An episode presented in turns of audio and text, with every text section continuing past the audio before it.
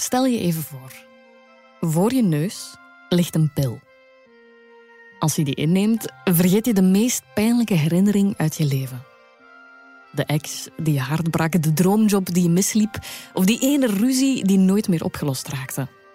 Zo weggeslikt uit je geheugen. Neem je die pil of niet? Zou je jouw geheugen laten wissen als je dat gelukkiger maakt? Of sterker nog, zou je aan je hersenen durven morrelen als je daardoor pijnloos door je dagen komt?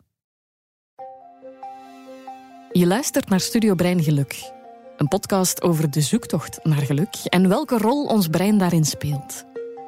In deze aflevering hebben we het over de herinneringen in onze hersenen. Hoe draagt het geheugen bij aan ons geluk? Ons geheugen is erop gericht om ons in zekere zin gelukkig te houden. Hoe denken we of vergeten we onszelf gelukkiger?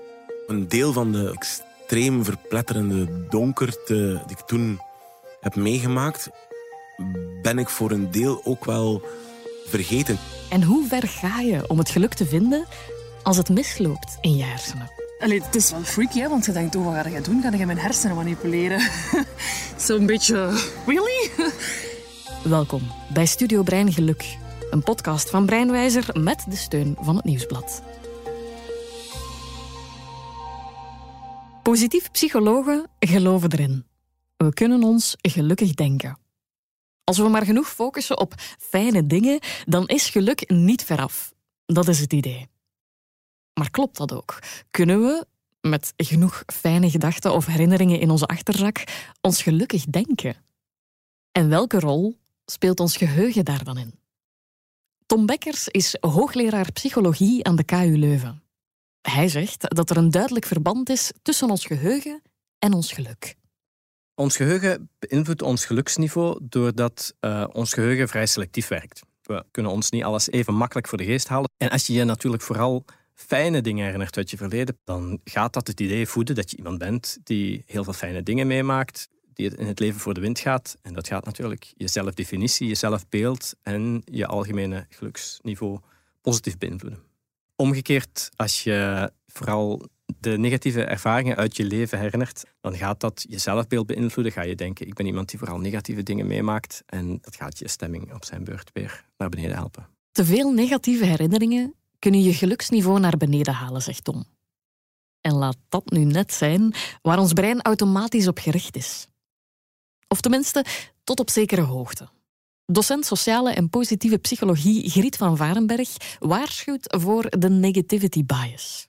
Dat is een denkfout die we allemaal maken. Het is zo dat ons geheugen meer onthoudt wat negatief is, jammer genoeg, meer onthoudt al die nare ervaringen die we hebben opgedaan dan wat er positief is gebeurd. En op die manier stuurt ons geheugen eigenlijk ons geluk. Wat wil zeggen, als je op een bepaald moment in een nogal sombere bui bent, dan gaat jouw geheugen ook meer sombere herinneringen op dat moment oproepen. Wat dan een beetje een negatieve spiraal is. Ik voel mij al in zekere zin somber. En dan gaat ons geheugen ook meer toegankelijk zijn voor andere sombere dingen uit ons leven. Ons brein is een beetje een brompot, zegt Griet. Dat hebben we te danken aan onze verre voorouders, want als er toen iets misliep, kon je leven ervan afhangen. Van dat oerpessimisme zijn we blijkbaar nog niet helemaal verlost.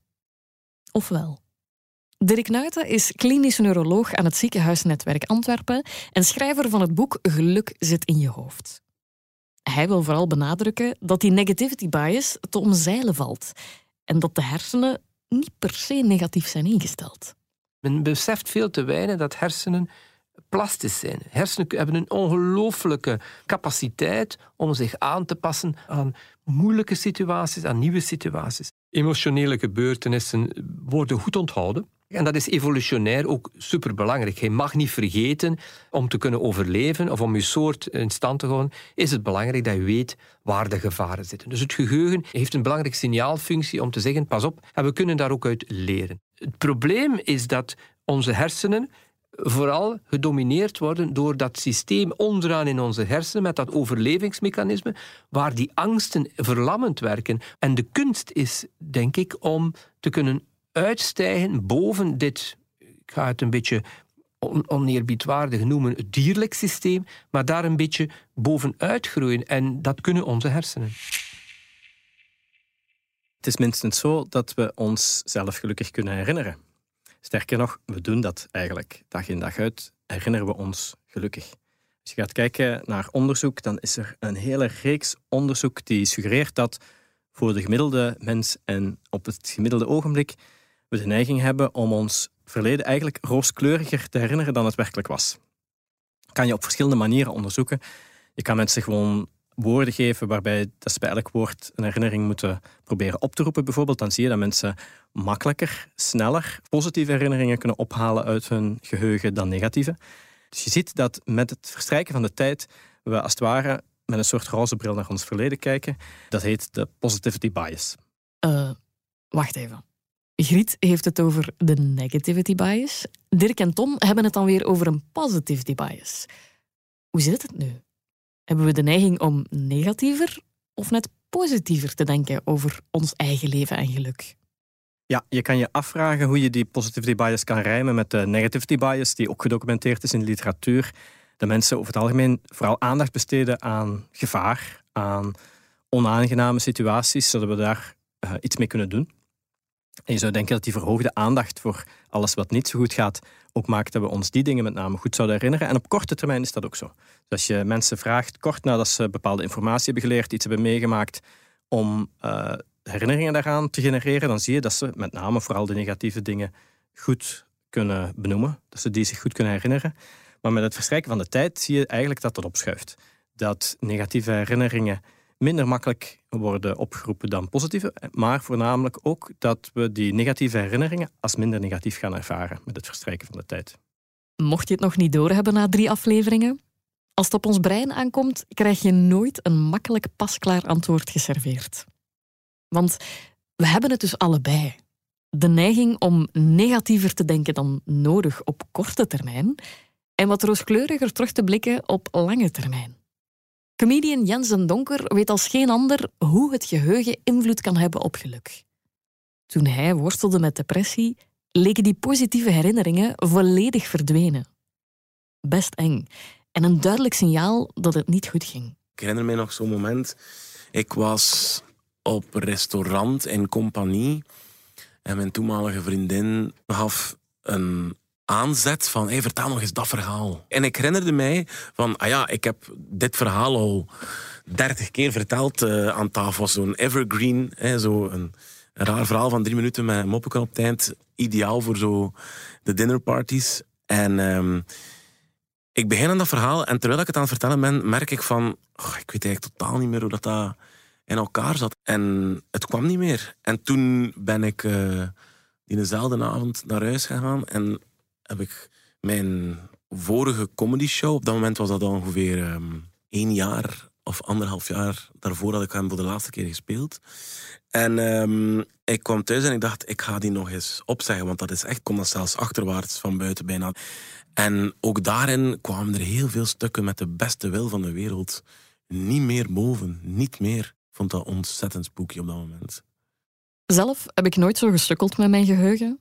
Maar ik herinner mij momenten waarop ik me met de beste wil van de wereld niet meer kon inbeelden hoe het voelde om content te zijn. Of blij, gelukkig. Ik weet nog hoe moeilijk het was om positieve momenten op te roepen en hoe onmogelijk het voelde om op een positieve manier naar de toekomst te kijken. Negativity bias in overdrive. Gelukkig heeft Jens ook ervaren dat zijn geheugen een hulp kon zijn in die strijd tegen depressie. Een deel van de extreem verpletterende donkerte die ik toen heb meegemaakt, ben ik voor een deel ook wel vergeten. Alleen niet vergeten, ik weet natuurlijk nog wel. Ik zie natuurlijk nog wel voor mij wat er gebeurde. Ik zie mezelf nog wel in een beeld van hoe miserabel en hoe ellendig dat het was. Maar ik kan daar niet meer, ik kan dat gevoel niet meer oproepen, alle chance. Dus ik kan me dat ook niet meer echt wezenlijk inbeelden. En ik denk dat dat een soort overlevingstactiek is. Dat is weg. Ons geheugen is er inderdaad op gericht om ons in zekere zin gelukkig te houden. We kunnen ons gelukkig vergeten en onze hersenen helpen ons daar inderdaad voortdurend bij door vooral die dingen te onthouden waar we gelukkig van worden. En die zaken die eigenlijk niet zo prettig waren, door die moeilijker oproepbaar te maken. Dat zijn allemaal processen die elkaar als het ware voortdurend versterken. Je kan daar actief op proberen in te grijpen, maar het grootste deel van de tijd gebeurt dat allemaal automatisch en zonder enige inspanning van onze kant. Ondanks de soms donkere gedachten in ons hoofd, doen onze hersenen hun verdomde best om ons gelukkig te maken. Door de scherpe kantjes van onze herinneringen wat bij te veilen, bijvoorbeeld. Of door donkere momenten wat dieper weg te stoppen in ons geheugen. Een beetje kort door de bocht zou je je hersenen kunnen vergelijken met een fichebak waar allemaal informatie zit. En de uitdaging is om de juiste informatie uit die fichebak naar boven te krijgen op het juiste moment. Hoe meer gelijkaardige fiches er in die fichebak zitten, hoe moeilijker het wordt om de juiste fiche te pakken te krijgen. Maar wat je wel kan doen, metaforisch gesproken, is sommige fiches wat dieper in die fichebak duwen, zodat er andere makkelijker uitsteken. En ook dat helpt. En eigenlijk is dat wellicht wat vergeten is, is niet dat dingen verdwijnen uit de fichebak, maar dat ze ergens van onder in die fichebak terechtkomen, niet zo makkelijk meer opgeroepen kunnen worden.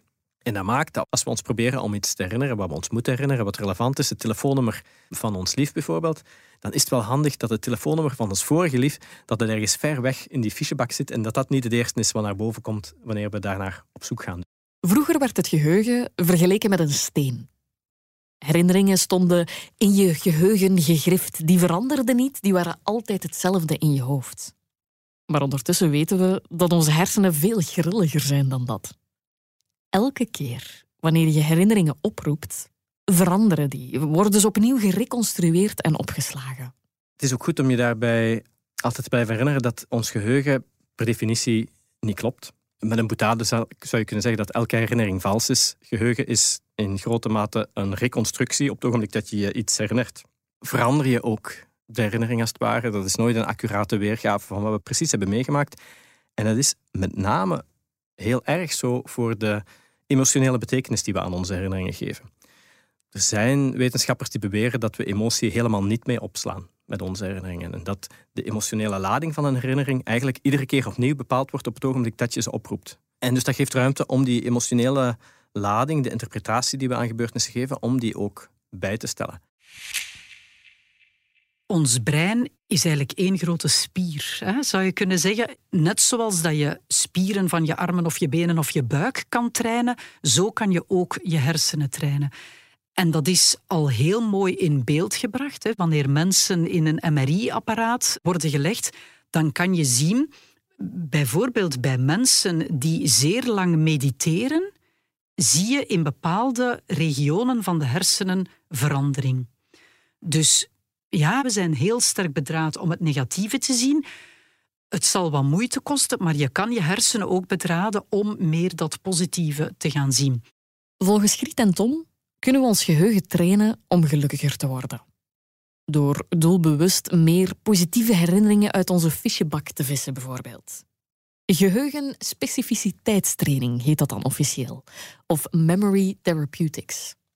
Dat is een term die eigenlijk slaat op alle mogelijke interventies waarbij geprobeerd wordt om geheugenprocessen te beïnvloeden, om op die manier mentale klachten op een of andere manier te verminderen. Dat kan je bijvoorbeeld zien in het domein van stemmingstoornissen, stemmingsproblemen, depressie. Daar bestaat dergelijke memory therapeutics te vaak in dat mensen getraind worden om zich op levendigere wijze en met meer detail en meer specifiek, liefst positieve gebeurtenissen uit hun verleden te kunnen herinneren. En dat blijkt in zekere mate trainbaar. En de eerste onderzoeken daarnaar suggereren ook dat dat effectief positieve effecten heeft op stemming. Dat mensen daar gelukkiger van worden. Het is een soort workout voor je hersenen, die geheugenspecificiteitstraining. En net zoals je meer spieren kweekt na een stevige portie BBB, komt ook je geheugen sterker voor de dag na wat brain training. Je traint je hersenen op meer positiviteit. En met een beetje geluk word je daar ook gelukkiger van. Tijd om wat dieper in die fichebak te duiken.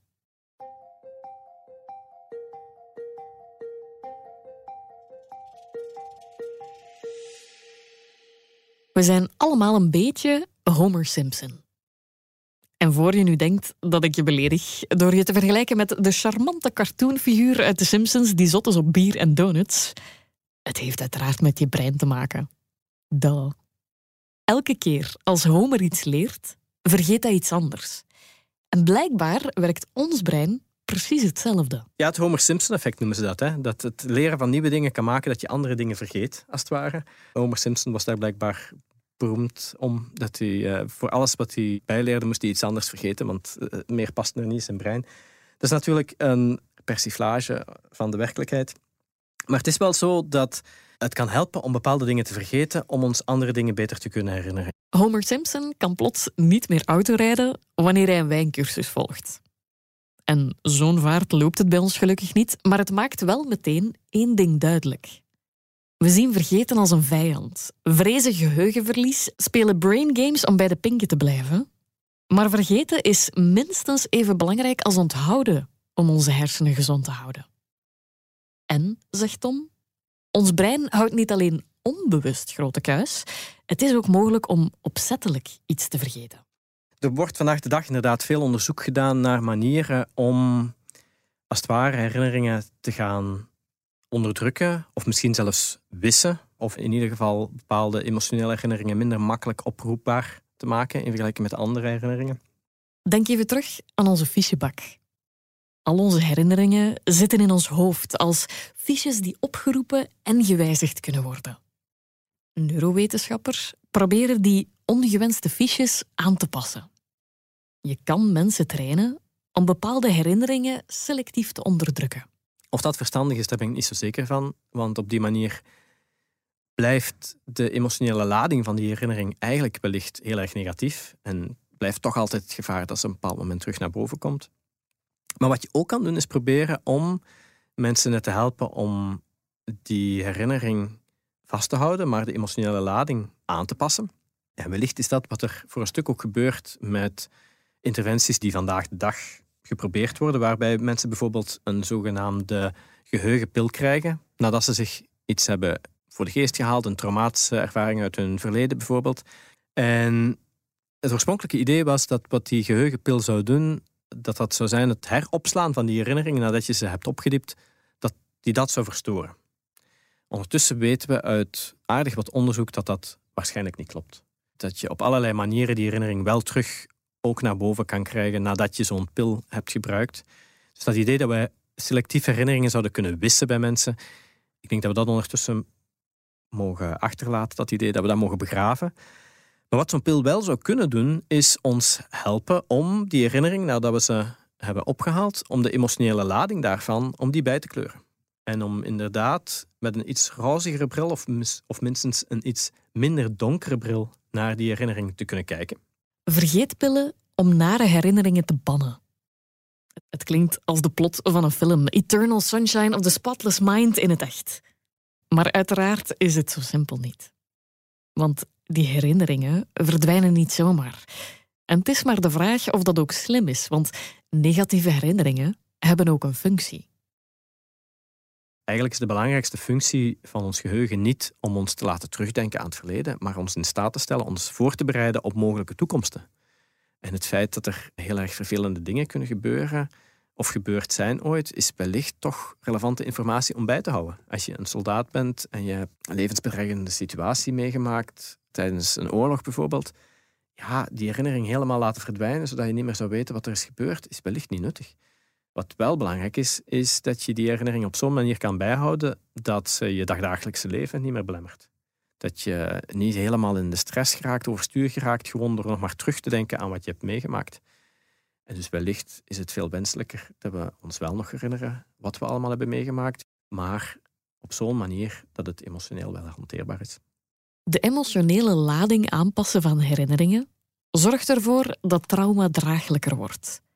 Het is niet vergeten, maar op zijn minst minder aanwezig in je leven. Een beetje zoals de break-up met je ex na een tijdje ook minder pijn begint te doen. En als tijd niet alle wonden heelt, dan kan een geheugenpil helpen om trauma te plaatsen.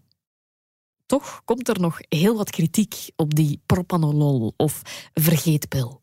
Er is een gevaar dat we te simplistisch denken over de complexiteit van onze herinneringen en ons geheugen, omdat elk feit dat we ons herinneren uit ons leven kan je niet associëren met één enkele plek in onze hersenen of één enkel neurotransmitterproces. En heel veel van die interventies zijn wel heel erg aspecifiek. Als je bijvoorbeeld een herinnering ophaalt en daarna een dosis propranolol toedient aan mensen, ja, daarmee beïnvloed je dus die ene herinnering die je net hebt opgehaald, maar ook alle andere actieve processen in onze hersenen op dat moment. Dat is een beetje schieten met een kanon op een mug. Zeker als je het dan vergelijkt met psychotherapie, waar je eigenlijk heel specifiek aan de slag gaat met die herinneringen die mensen zelf ten berde brengen. Wat in die zin soms misschien een minder krachtige interventie is, een tragere interventie, maar wel veel specifieker, denk ik, in veel gevallen. Het is nooit zomaar opgelost met een pilletje, zegt Tom. Maar geheugenmanipulatie zorgt ervoor dat trauma op nieuwe manieren kan worden behandeld. Ook met hersenmanipulatie wordt er volop geëxperimenteerd om de errors in je brein te corrigeren.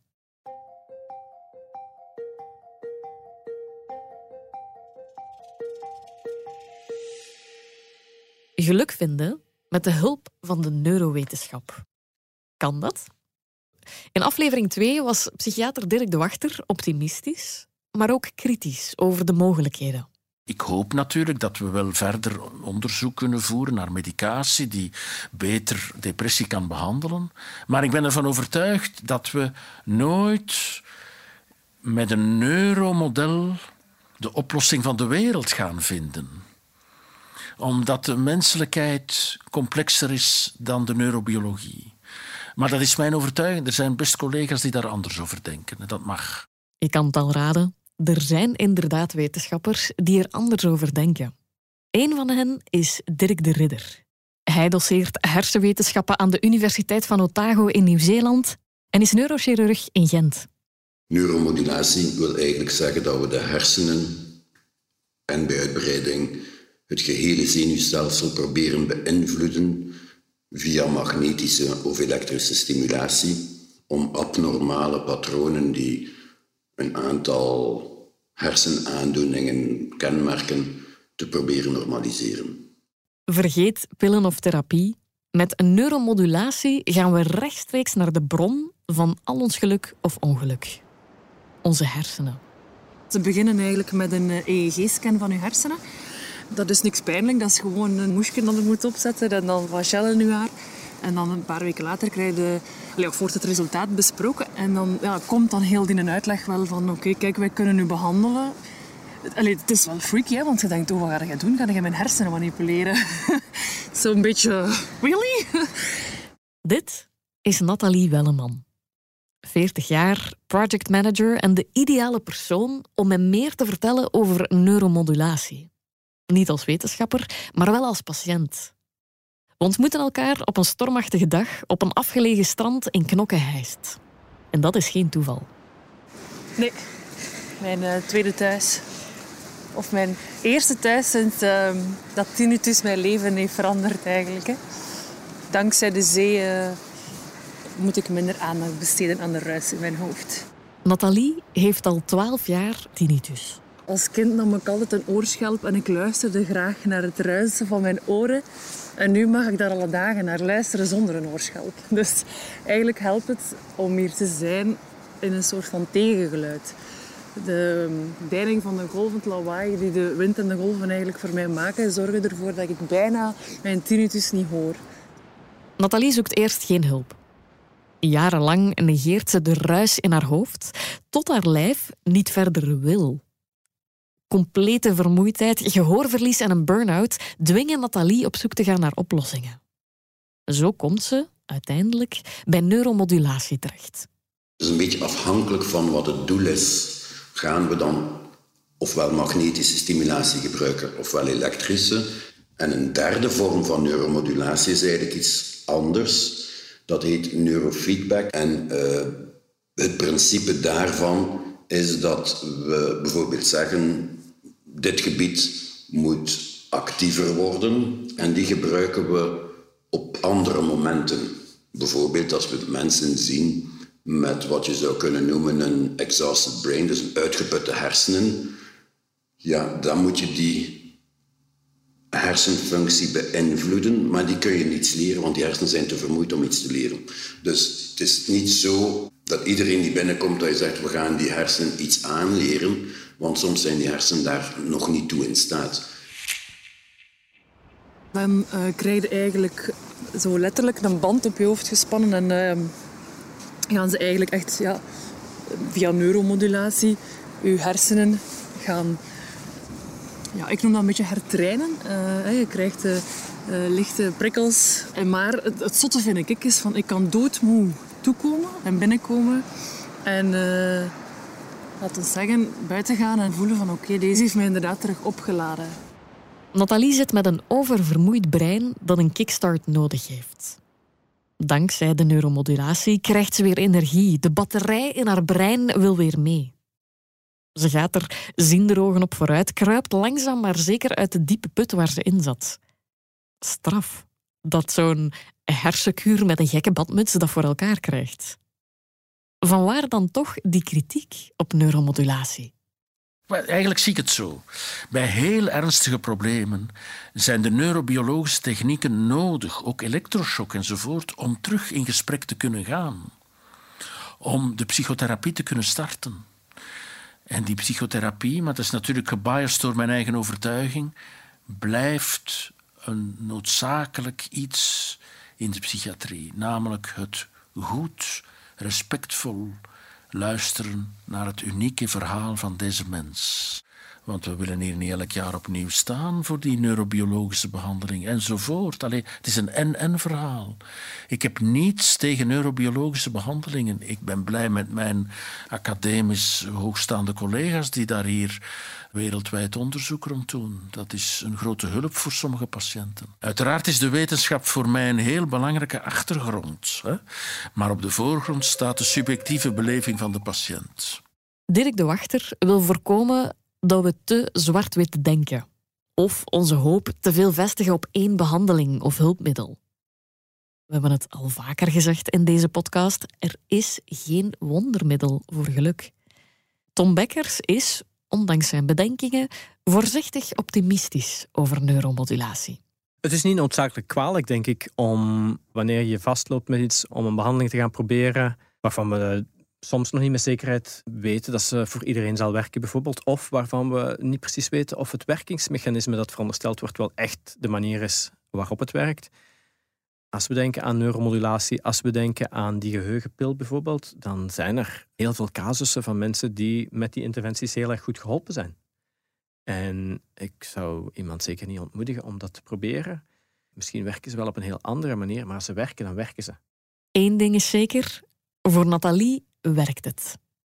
Die tinnitus, daar moet ze het mee doen. Ze maakt zelfs een podcast over haar reis door de ruis, om dat traject een plaats te geven in haar leven. Maar Nathalie gelooft in de maakbaarheid van haar eigen geluk. Met wat hulp van neuromodulatie. Ja, de perceptie van geluk is ook een beetje um, veranderd. Hè. Ik nam alles for granted, maar ik stond ook bij niks stil. Ik had zoiets van, ja, alles gaat gewoon goed, dus ik hoef over niks uh, na te denken. Uh, totdat ja, tinnitus een beetje een, letterlijk een stoorzender op mijn geluk is geweest. Door daaraan te werken is voor mij zo het besef van... Ik moet het geluk niet altijd zo ver gaan zoeken. Ik heb een, een tattoo van een, um, een golfje op mijn pols. Ik heb dat ook laten zetten op het moment dat ik voor mezelf besefte van... Weet je, the motion of the ocean. It's okay. Gewoon... Soms gaat de zee super wild. En soms, gelijk vandaag, is het eigenlijk super rustig. En dat is ook een beetje het leven voor mij geworden. Dat ik denk van, als ik al maar wat mee kan surfen op, uh, op wat golfjes en dan soms al eens een golfje kan pakken, is goed. Nathalie heeft, ondanks de tinnitus, wel wat gelukstools gevonden.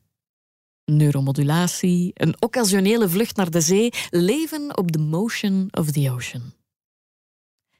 In de laatste aflevering van Studio Brein Geluk zoek ik uit hoe we nog meer ons eigen geluk kunnen bevorderen.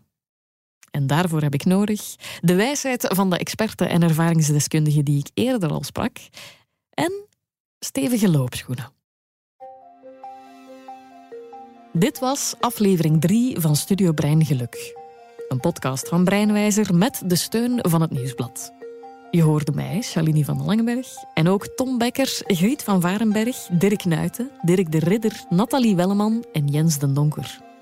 In de laatste aflevering van Studio Brein Geluk onderzoek ik de zin en onzin van de gelukstips.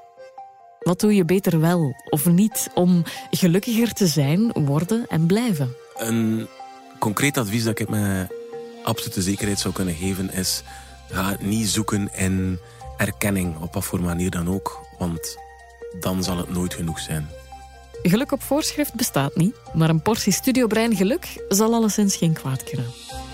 Deze reeks werd gemaakt door podcastagentschap Uitgesproken. Heb je nog vragen of reacties? Dan zijn die welkom via info.breinwijzer.be. Bedankt voor het luisteren.